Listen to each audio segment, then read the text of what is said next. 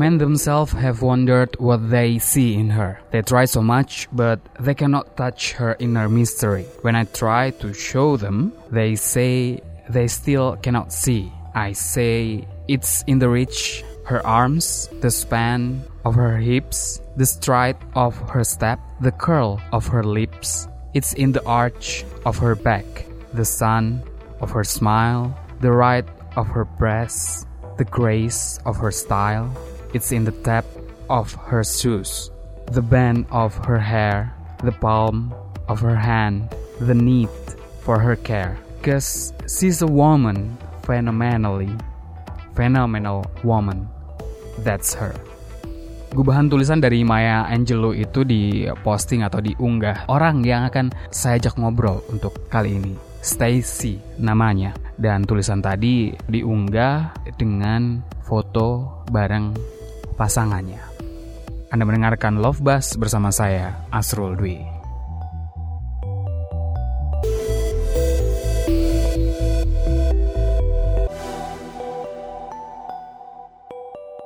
Love Buzz membicarakan perkara yang tidak dibicarakan ketika berbicara perkara cinta.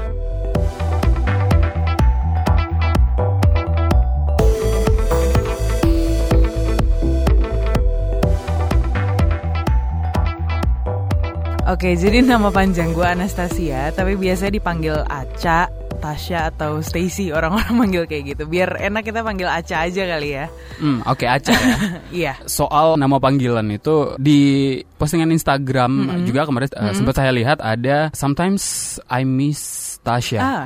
Dan ada foto yeah. kayaknya kali pertama kita ketemu gitu uh-huh. dengan rambut panjang juga mm-hmm. kan ya sebenarnya. Sekarang kan udah ganti. Yeah. Kenapa memposting itu? Oke, okay, jadi menariknya di balik tadi ada ketiga nama panggilan gue itu. Yang pertama Aca. Aca itu jadi sebenarnya itu adalah panggilan dari keluarga atau sama orang-orang yang benar-benar udah deket banget udah kenal gue pribadi dari kecil jadi memang manggilnya Aca tapi uh, di sekolah biasanya bahkan sampai SMA itu orang-orang manggilnya Tasya atau mungkin kuliah juga. Gue cenderung memperkenalkan diri sebagai Tasya gitu karena kata nyokap itu nama gue gitu. Tapi um, ini berhubungan juga dengan uh, tanda kutip proses transisi gue gitu sama gaya gue uh, ada seorang kawan baik dari gue yang mengatakan enggak deh kayaknya Tasya tuh nggak lo banget namanya gitu kayak itu terlalu feminin untuk seseorang yang nggak sefeminin itu gitu loh hmm. gue jadi akhirnya gimana kalau nama lo Stacy katanya kayak gitu terus oh ya yeah, I actually like that name Stacy jadi ya udah gitu gue sekarang-sekarang orang cenderung manggil gue Stacy sih. Jadi Tasya itu sebenarnya lebih ke uh, sisi feminin dari gue gitu loh masa masa lalu itu di mana rambut gue panjang di mana gue harus conform sama uh, society seperti itu. Hmm, itu identitasmu mm sekarang ini kan atau gimana sih sebenarnya Stacy ini? Iya iya iya. Sebenarnya uh, gue nggak pernah nyaman sih dipanggil Tasya gitu kayak Tasya menurut gue khususnya untuk di era kita nih kayaknya nama Tasya tuh pasaran banget menurut gue. Jadi gue sebenarnya lebih prefer dipanggil Aca gitu sama uh, teman-teman gue gitu. Tapi ketika ada tawaran dari teman gue kayaknya lu cocok Stacy deh. Gue ngerasa kok iya ya kok kayak keren gitu kayak cocok aja sama gue. Jadi ya udah gitu aja, nggak ada arti lebih dalam banget sih sebenarnya. Uh. Jadi nggak ngerasa Stacy hmm. kayak semacam alter ego, bukan itu ya maksudnya? Gue sempat berpikiran itu sebenarnya. Okay. Cuman uh, eh, gue rasa Stacy itu adalah gue, Tasya atau Aca yang selama ini uh, terkurung gitu loh istilahnya. Stacy ini dia kayak lebih bebas aja, lebih menjadi diri dia sendiri gitu. Gimana sih proses Stacy menemukan Stacy gitu ya? Atau nanti bakalan tetap evolve gitu atau gimana? Wah, I'm not sure kalau gue akan dikasih nama baru lagi karena sepertinya orang-orang udah cukup pusing gitu loh manggil manggil gue siapa gitu loh. Ya prosesnya seperti itu aja sih. Maksudnya karena memang selama ini ternyata gue mem memang merasa kok sepertinya gue bertingkah laku aku berpakaian bahkan sesuai dengan tuntutan orang-orang gitu loh kayak tuntutan orang tua, tuntutan masyarakat gitu, bukan menjadi diri gue sendiri gitu. Ketika tanda kutip gue udah meletak gitu loh kayak kayaknya gitu dengan nama baru itu muncul, gue lebih uh, bisa mengembrace myself aja gitu. Seberapa penting sih kemudian ekspresi kita mm-hmm. di luar dalam artian appearance gitu penampilan mm-hmm. dan juga apa yang ada di dalam uh, hati hati atau pikiran kita gitu. Kesesuaian itu gimana kalau menurut Stacy? Kalau yang aku rasakan sih sekarang aku bisa lebih free dan lebih percaya diri gitu. Ke mana pun aku pergi dengan uh, ekspresi seperti ini gitu loh. Dengan uh, mungkin orang uh, mungkin pendengar nih bingung ya kayak ekspresi seperti ini apa? Emang gue dulu kayak gimana? Jadi dulu tuh gue rambutnya panjang dengan lebih feminin gitu. Gue lebih khawatir uh, dengan perkataan orang-orang gitu loh uh, apa ya kalau dia potong rambut pendek kan cewek harusnya rambut panjang kayak gitu. Sekarang gue ngerasa justru lebih pede aja dan lebih bisa berjalan dengan percaya diri gitu loh dibandingkan dulu gue merasa gue lebih insecure aja gitu. Bodoh amat dengan opini orang di luar sana gitu ya? Ya well to be honest masih ada sih oh, masih yang ada, yang okay. dipikirkan gitu. Tapi gue lebih merasa apa ya? Gue bisa berjalan sebagai diri gue sendiri gitu loh, bukan menjadi sebuah tuntutan orang lain gitu. Stacy itu hmm. orangnya kayak gimana sih gitu? wow, ini seru banget ya sampai ngomongin begini. Kalau Stacy menurut aku dia tuh lebih uh, hmm gimana ya dia? Dia lebih mau dibilang rebel nggak juga sih sebenarnya kayak gue tetap gue aja.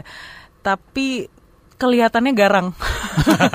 Karena kan ini tentang ekspresi uh, secara gue berpakaian ya. Hmm. jadi kelihatannya sebenarnya garang dan kelihatan orang ini tuh kok kayaknya galak gitu atau I don't know orang-orang sih bilangnya kayak gitu ya kok kayaknya menakutkan gitu loh padahal nggak juga sih sebenarnya. Kita kali pertama ketemu waktu itu ada satu project gitu ya hmm. soal mental health gitu ya, ya. Uh, saya sih sekarang gimana uh, kondisinya? Gimana ya mau dibilang udah sembuh juga nggak juga gitu. Jadi aku adalah salah satu orang yang didiagnosa dengan bipolar Mm-hmm. Mm-hmm. Jadi memang uh, di masa-masa tertentu aku ada fase-fase depresif banget gitu, tapi ada juga fase yang biasa dibilang mania gitu atau ya kelihatannya aku I'm on, I'm on the top of the world gitu, kerasanya kayak gitu dan pokoknya mood swing dan itu saat-saat yang tidak diduga dan ketika lagi di bawah tuh benar-benar sampai ya kayak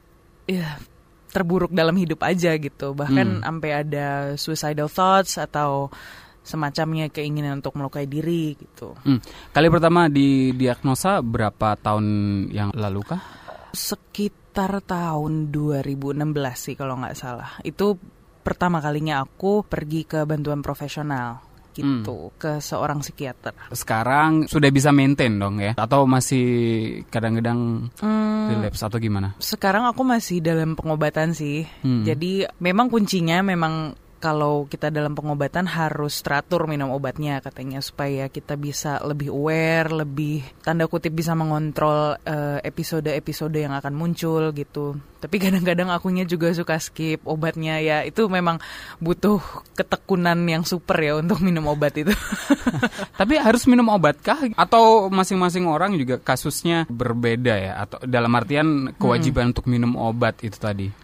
Aku rasa sih sebenarnya tergantung orangnya ya, kayak perkasusnya dia seperti apa. Kalau memang uh, sudah di taraf dia memerlukan obat, maka oke okay, sebaiknya ya udah dia minum obat. Tapi kalau memang ternyata belum sebegitunya butuh obat ini ya kurang lebih kayak gitu ya nggak usah. Intinya sebenarnya cari bantuan profesional aja sih karena mereka yang lebih tahu kan uh, kita butuhnya seperti apa gitu. Hmm, waktu itu titik di mana sih dalam hidupnya Stacy gitu memutuskan untuk kemudian oke okay, kayaknya butuh ke dokter nih gitu. Mm -mm.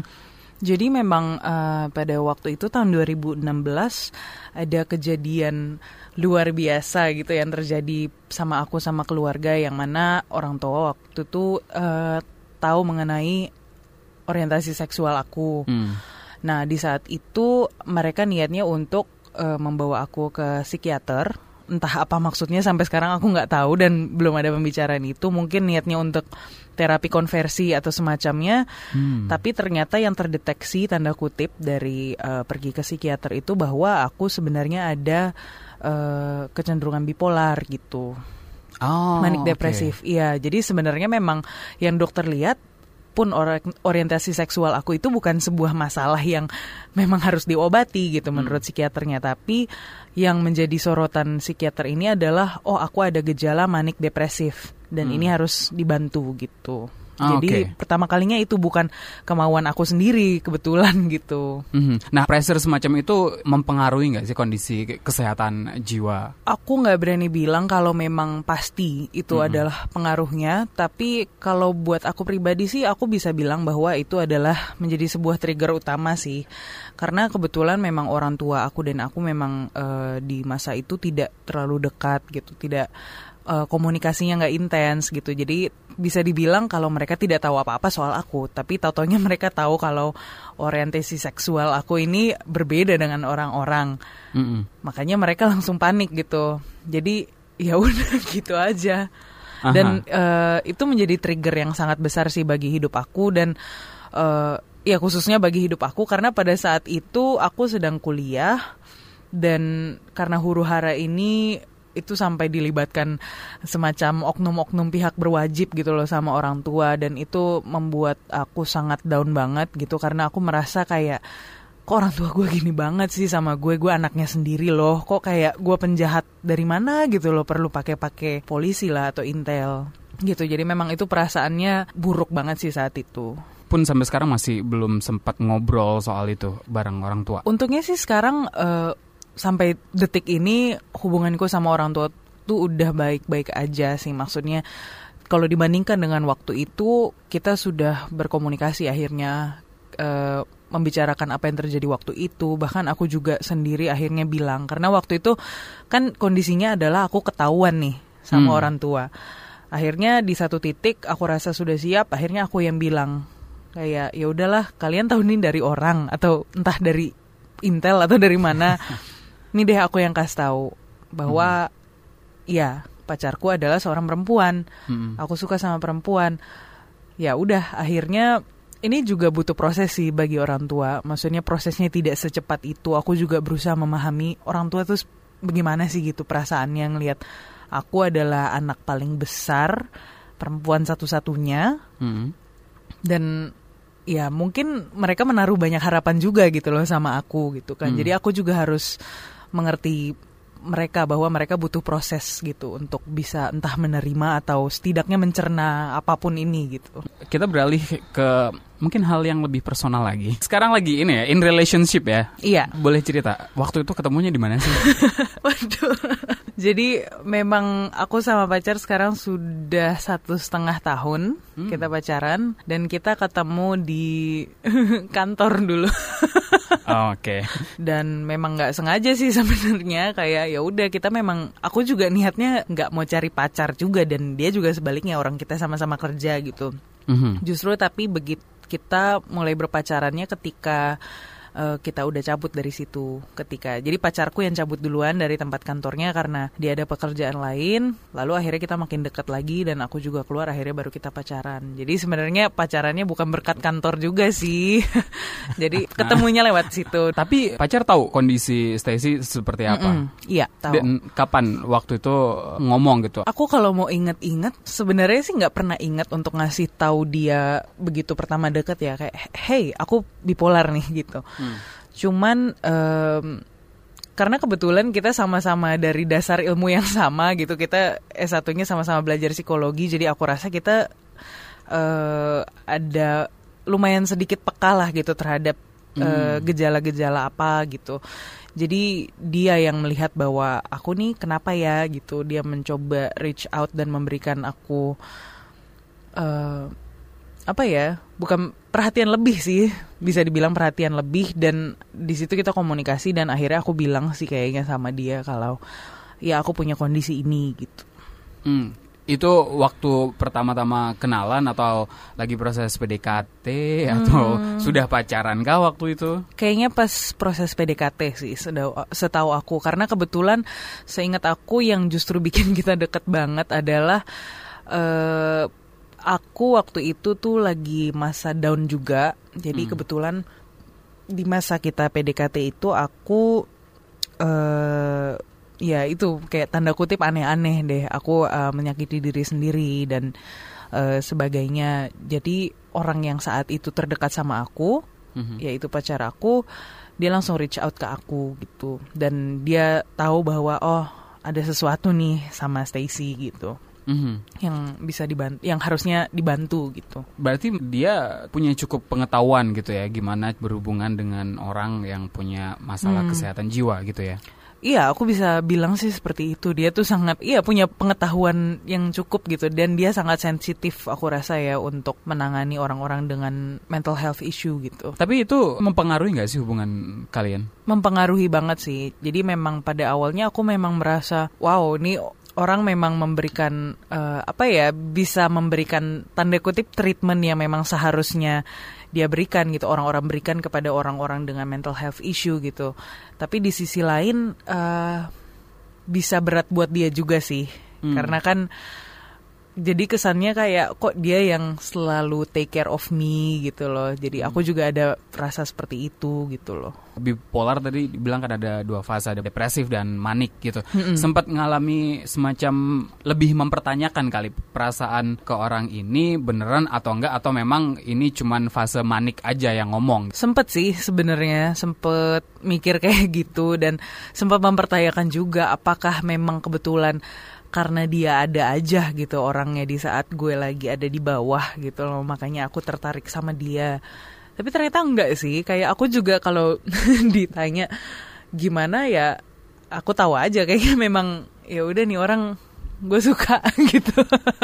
Cara kalian berdua gitu memutuskan mm -hmm. navigasi hubungan kalian tuh kayak gimana sih? Navigasi hubungan. Ah. Sebenarnya di awal-awal tuh nggak ada nggak ada perjanjian atau nggak ada apa ya navigasi detail gitu loh bahwa hmm. dan gue juga nggak kasih peringatan tolong kalau gue lagi begini begini tuh berarti gue begini begini ya hmm. jadi it just happen gitu loh tiba-tiba gue ngerasa seperti ini atau ada trigger-trigger seperti kayak mungkin kalau ada cekcok sama orang tua di rumah tiba-tiba gue begini aja gitu. Hmm. dan dia juga langsung ya berperan gitu loh sebagai orang yang bisa membantu gue gitu loh. Mengangkat istilahnya dari kegelapan.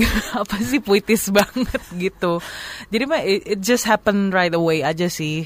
Hmm. dan sebaliknya juga gitu. Maksudnya aku juga melihat pacarku juga bukan robot gitu maksudnya bukan bukan malaikat gitu kan dia juga punya masalah gitu kadang-kadang dan Ya, aku juga harus melakukan hal yang sama gitu loh untuk dia sebagai pacar juga. Tapi justru beratnya adalah ketika kita berdua lagi sama-sama breakdown. Hmm. Iya, hmm. maksudnya kita lagi sama-sama ada masalah, lagi sama-sama breakdown. Nah, itu nggak ketemu kan tuh.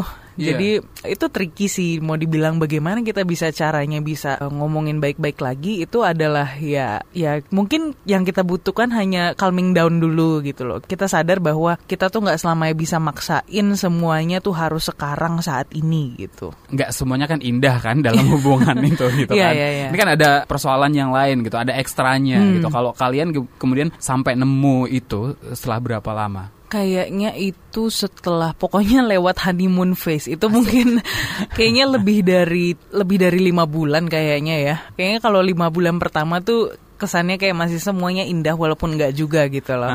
Kalau kalau salah satu ada yang merasa berat, salah satu ada yang ngerasa down, yang satunya akan comfort gitu loh mengayumi lah kayak gitu. Hmm. tapi kan ternyata seiring berjalannya waktu nggak nggak segitunya gitu. Kita bukan malaikat dua-duanya. Akhirnya kita ketemu aja gitu loh dengan semakin banyak pressure yang ada baik di kerjaan juga misalnya kerjaan pacar atau gue di kuliah gue waktu itu. Berarti gangguan kesehatan jiwa yang saya sih punya gitu mm -hmm. atau bipolar itu tadi juga mempengaruhi hubungan kalian berdua atau enggak? Bisa dibilang iya sih. Karena itu sebenarnya aku sendiri merasa itu sangat mengganggu gitu loh episode-episode aku kayak um, mood swingnya aku itu sangat mengganggu juga uh, hmm. baik mengganggu aku pribadi dan aku merasa mengganggu cukup mengganggu pacarku sih karena kita nggak bisa tahu gitu loh dan kita kadang-kadang tidak bisa mengontrol itu, tidak bisa mengontrol emosi yang sedang dirasakan. Ketika gue lagi manic gitu, mm-hmm. gue sangat impulsif, gue sangat senang bisa, ayo kita belanja ke sini atau kita makan di sini kayak itu tindakan kecil aja gitu ya. Tapi tanpa memikirkan konsekuensi ke depan misalnya gue ngabisin tabungan atau gimana maksudnya itu kan juga nyusahin juga gitu loh. Atau tiba-tiba misalnya aku down karena hal kecil aja aku bisa down. Apalagi aku juga punya masalah dengan anxiety atau kecemasan gitu. Mhm. Jadi itu mengganggu banget sih. Kalau hubungan kalian juga mempengaruhi uh, kondisi kesehatan jiwa Stacy nggak? Kalau menurut aku pribadi sih eh, iya lumayan karena aku merasa bahwa i, pacarku itu hampir sebut nama. aku merasa kalau pacarku itu tuh adalah memang orang terdekat, orang kepercayaan dan orang pertama yang akan aku kabarin atau kasih tahu kalau misalnya aku kenapa-kenapa, kalau sedih, seneng gimana gimana itu itu bisa jadi kelemahan juga sih seperti ini. Maksudnya padahal kan aku juga punya teman-teman lain gitu loh.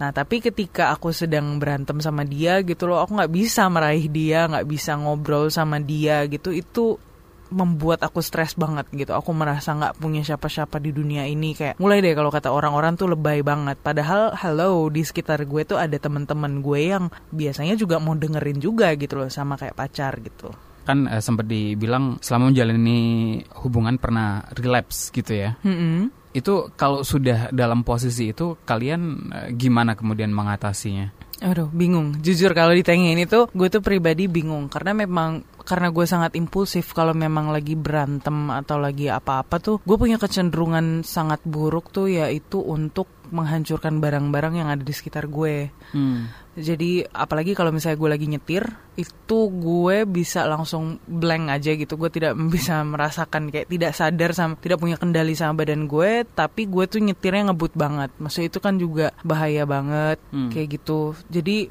biasanya yang terjadi tuh adalah butuh waktu aja sih sama-sama gitu loh. Kayak aku butuh waktu untuk tenang dulu, dia juga sebaiknya sebaliknya seperti itu. Komunikasi penting ya berarti iya, ya kan. memang penting kalian. banget Ha. sih. Dan bikin perjanjian sih memang bahwa tanda kutip kalau misalnya ada yang lagi sadar gitu. Hmm. Sadar tanda kutip itu kita saling ngingetin atau kita juga udah sempat bilang kita udah sempat ngobrol juga kalau ketika memang sudah diperlukan atau mungkin sebelum diperlukan gitu loh kita mari kita cari bantuan profesional aja gitu loh untuk menyelesaikan masalah ini makanya aku juga kemarin rutin minum obat dan eh, ke psikiater juga gitu loh karena aku juga pingin bisa lebih mengontrol impuls-impuls itu yang bisa nantinya siapa tahu bisa merusak hubungan kita juga gitu loh Hmm. karena ini kan tidak bisa dikontrol ya bukan berarti perbuatan itu juga menjadi pembenaran bagi aku sih Hmm. cuman ya daripada kenapa-kenapa kan gitu. Hmm, hmm, hmm. Kalau mungkin bisa dirangkum atau dijelaskan gitu sebenarnya menjalin hubungan ketika punya masalah kesehatan jiwa gitu ya itu sebenarnya susah atau possible tapi Oke. memang perlu kerja keras gitu. ya I would say that. Kayak it's possible tapi butuh kerja keras dan butuh kesadaran juga sih. Eh, dalam arti ini nggak mudah gitu Eh, misalnya salah satu pasangan itu punya mental health issue yang satu lagi mungkin tidak atau mungkin tidak tanda kutip parah yang satunya maka kita harus sadar gitu loh konsekuensi-konsekuensi yang akan muncul ketika berjalannya hubungan itu tuh akan seperti apa gitu loh. Mungkin pada saat jatuh cinta tuh memang semuanya indah gitu, nggak kelihatan seperti apa-apa gitu loh. Tapi ketika memang ada stresor-stresor, itu bisa akan jadi berat banget untuk kawan eh, pasangannya gitu loh, Hmm, yang hmm. mungkin lebih lebih tanda kutip tidak apa-apa gitu ya Hmm. karena kita juga mengerti gitu loh misalnya kita ini pacaran bukan menjadi pengasuh seseorang kan Hmm. jadi em, kalau memang mau melanjutkan hubungan itu aku sih sangat menyarankan memang kalau misalnya sudah tahu bahwa pasangannya itu mempunyai mental health issue uh, go get professional help because uh, it will help karena bisa komunikasikan ke psikolog atau psikiater untuk menanyakan dan setidaknya apa yang bisa dilakukan untuk membantu pasangannya. Karena nggak bisa sendirian sih kalau menurut aku. Karena ini kan soal mental health issue ya. Kira-kira ada nggak sih waktu yang tepat untuk bilang ke pasangan kita kalau sebenarnya eh, saya punya masalah kesehatan jiwa katakanlah seperti itu. Hmm, kalau menurut aku sih awal-awal kali ya ah. Ini menurut aku pribadi ya pendengar maaf kalau misalnya ada yang punya berpendapat beda gitu loh. Karena aku selalu em, berpendapat bahwa ya mendingan dari awal aja deh kasih tahu. Hmm. Kayak lo kalau mau pacaran sama gue, Love ini Buzz, konsekuensinya. membicarakan Gue punya perkara beban yang yang tidak berat, dibicarakan yaitu ketika gue adalah berbicara seorang dengan perkara bipolar. cinta. Kalau lo nggak sanggup, ya udah nggak apa-apa lu tinggalin gue aja gitu. Hmm. Kayak aku sebenarnya pernah sih pernah dekat sama orang yang sebenarnya belum sempat aku kasih tahu, tapi mungkin dia eh, menyadari gitu loh gejala-gejala ini gitu loh. Dia bilang bahwa aku terlalu problematik untuk dia, jadi dia meninggalkan aku kan. Ya Hmm. jujur aja ini manusiawi ya sakit hati gitu kan main Iya. ditinggalin kayak gitu. Cuman eh akhirnya kita juga ngerti gitu loh ya ya udah daripada nanti kita udah pacaran terus menaruh ekspektasi bahwa pacar kita tuh seharusnya the one who comforts me dan malah jadi kecewa lagi nanti malah jadi breakdown lagi ya udah mendingan menurut aku sih dari awal aja gitu. Jadi biar pasangannya tahu. Dan aku rasa kalau memang pasangannya itu atau calon pasangannya nggak bisa menerima ya nggak segampang itu sih. Tapi ya mungkin cari seseorang yang bersedia menerima kamu gitu. Kalau Stacy sendiri nganggap bipolar yang Stacy punya itu bagian dari diri Stacy atau itu sesuatu yang lian aja gitu. Uh, pun kemudian kalau menjelaskan ke pasangan gitu ya atau gimana sih sebenarnya? yang aku coba lakukan sama pasangan belakangan ini. Karena awal-awal aku tidak punya insight seperti ini ya. Jadi belakangan ini yang aku coba bilang ke pasangan bahwa ya aku bipolar itu memang merupakan bagian dari aku. Tapi itu bukan aku. Jadi aku berusaha kalau mau dibilang sembuh itu tricky banget ya kata-kata sembuh dalam mental illness itu. Tapi setidaknya aku bisa menguasai atau setidaknya aku bisa sadar sama hal itu jadi aku tidak mau, aku akan berusaha sekuat mungkin supaya si bipolar ini tanda kutip tidak menguasai aku gitu loh. Sampai pada kesimpulan seperti itu kan Iya, oh, proses iya prosesnya itu butuh waktu lama banget sih dan jujur aja di saat seperti ini aku cenderung stable. Jadi Hmm. aku berani ngomong kayak gitu. Tapi ketika memang aku lagi berada di bawah itu nggak bisa aku bilang kayak gitu sih. Mhm. Jadi ya memang itu butuh proses dan ya itu kita harus menghargai proses ya kalau untuk bisa sampai kesimpulan seperti ini. Oke, pertanyaan uh, terakhir, what is love to you then? Wow, nggak pernah ada yang nanyain hal seperti ini. What is love to me? Wah, ini berat banget nih. Gue harus jawab banget nih. Aduh, maaf ya pendengar kalau ternyata jawaban gue cheesy banget. Jadi gue tumbuh besar dengan cinta-cinta yang ada di film-film dengan bacaan-bacaan tuh yang eh, cheesy banget, yang menye-menye Hmm. gitu loh. Tapi menurut gue cinta itu adalah ketika lo dengan orang yang lo cintai itu berusaha untuk melakukan sesuatu yang bisa saling nyenengin gitu loh. Kayak lo ingin membuat, lo ingin melakukan sesuatu yang terbaik buat orang yang lo sayangi. Itu sih bagi gue kayaknya ya.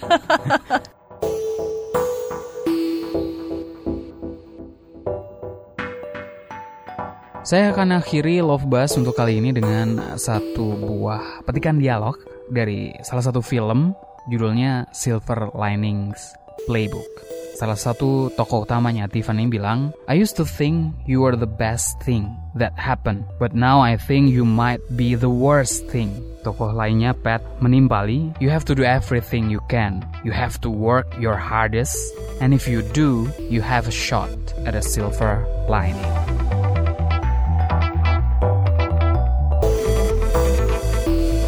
Love Buzz membicarakan perkara yang tidak dibicarakan ketika berbicara perkara cinta.